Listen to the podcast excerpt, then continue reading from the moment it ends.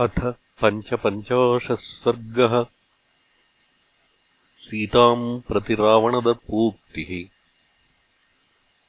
सन्दिश्य राक्षसान् घोरान् रावणोऽष्टौ महाबलान्।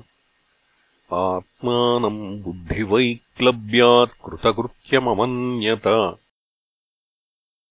स चिन्तयानो वैदेहीम् कामबाणसमर्पितः प्रविवेशगृहम् रम्यम् सीताम् द्रष्टुमभित्वरन्। स प्रविश्यतु तद्वेश्मरावणो राक्षसाधिपः। अपश्यद्राक्षसी मध्ये सीताम् शोकपरायणाम्। अश्रुपूर्णमुखीम् दीनाम् शोकभाराभिपीडिताम्। वायुवेगैर्वा क्रान्ताम् मज्जन्तीम् नावमर्णवे। मृगयूथपरिभ्रष्टाम् मृगीम् स्वभिरिवावृताम्। अधोमुखमुखीम् सीताम् अभ्येत्य च निशाचरः। ताम् तु शोकपरान् दीनाम् अवशान् राक्षसाधिपः स बलाद्दर्शयामास गृहम् देवगृहोपमम्।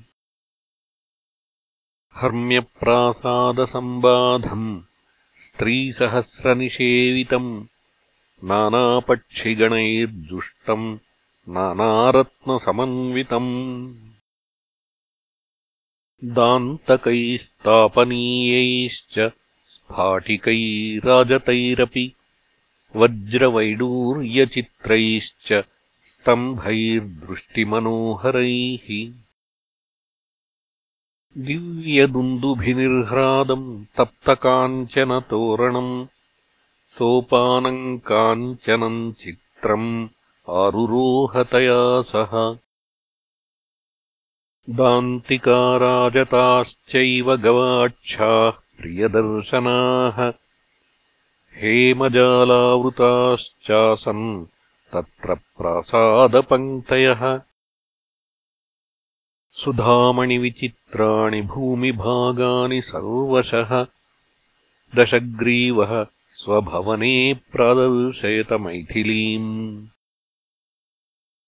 दीर्घिकाः पुष्करिण्यश्च नानावृक्षसमन्विताः रावणो दर्शयामास सीताम् शोकपरायणाम्।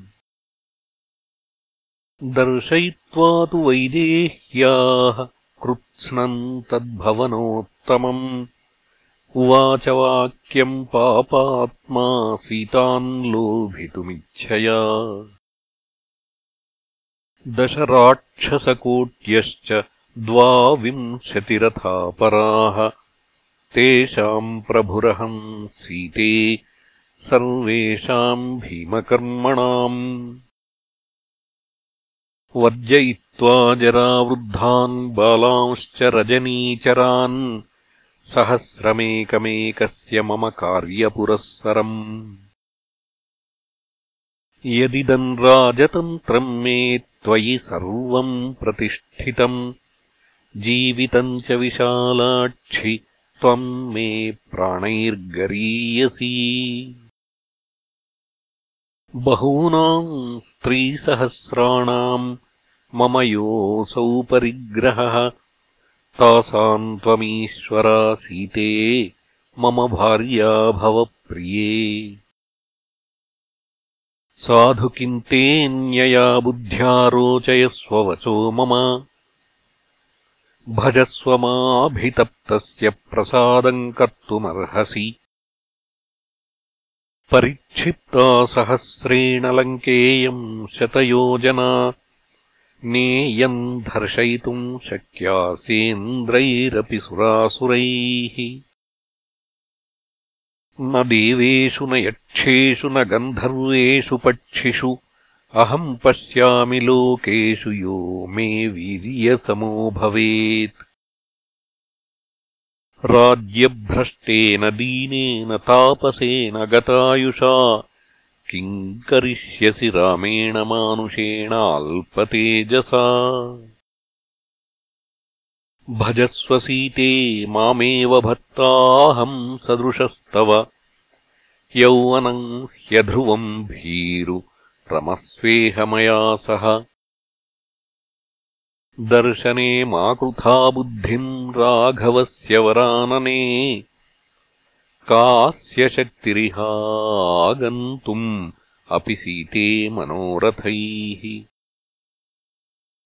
न शक्यो वायुराकाशे पाशैर्बद्धुम् महाजवः दीप्यमानस्य वाप्यग्नेः ग्रहीतुम् विमलाम् शिखाम्।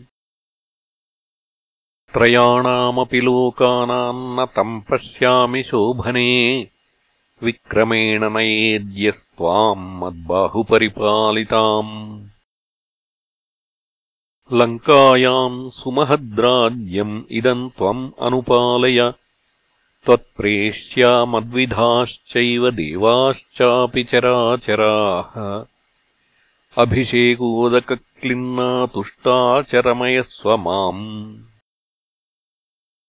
दुष्कृतम् यत्पुरा कर्म वनवासेन तद्गतम् यश्च ते सुकृतो धर्मः तस्येह फलमाप्नुहि। इह माल्यानि सर्वाणि दिव्यगन्धानि मैथिलि भूषणानि च मुख्यानि सेवस्व च मया सह। पुष्पकम् नाम शुश्रोणि भ्रातुर्वैश्रवणस्य मे। विमानम् सूर्यसङ्काशम् तरसा निर्जितम् मया। विशालम् रमणीयम् च तद्विमानम् अनुत्तमम्।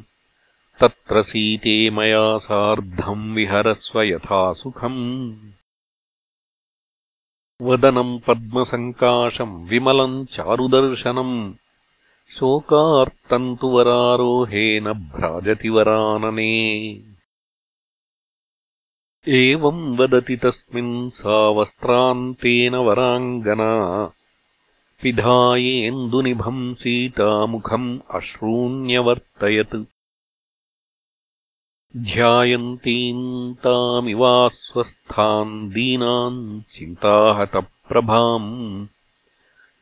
उवाच वचनम् पापो रावणो राक्षसेश्वरः। अलम् व्रीडेन वैदेहि धर्मलोपकृतेन च। आर्षोऽयम् दैवनिष्यन्दो यस्त्वाम् अभिगमिष्यति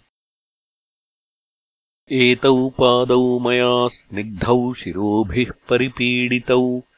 प्रसादम् कुरु मे क्षिप्रम् वश्यो दासोऽहमस्मि ते। इमाः शून्यामया वाचः शुष्यमाणेन भाषिताः। न चापि रावणः काञ्चित् मूर्ध्ना स्त्रीम् प्रणमेतः एवमुक्त्वा दशग्रीवो मैथिलीम् जनकात्मजाम्। कृतान्तवशमापन्नो ममेयम् इति मन्यते। इत्यार्षे श्रीमद् रामायणे वाल्मीकीये आदिकाव्ये अरण्यकाण्डे पञ्चपञ्चाशः सर्गः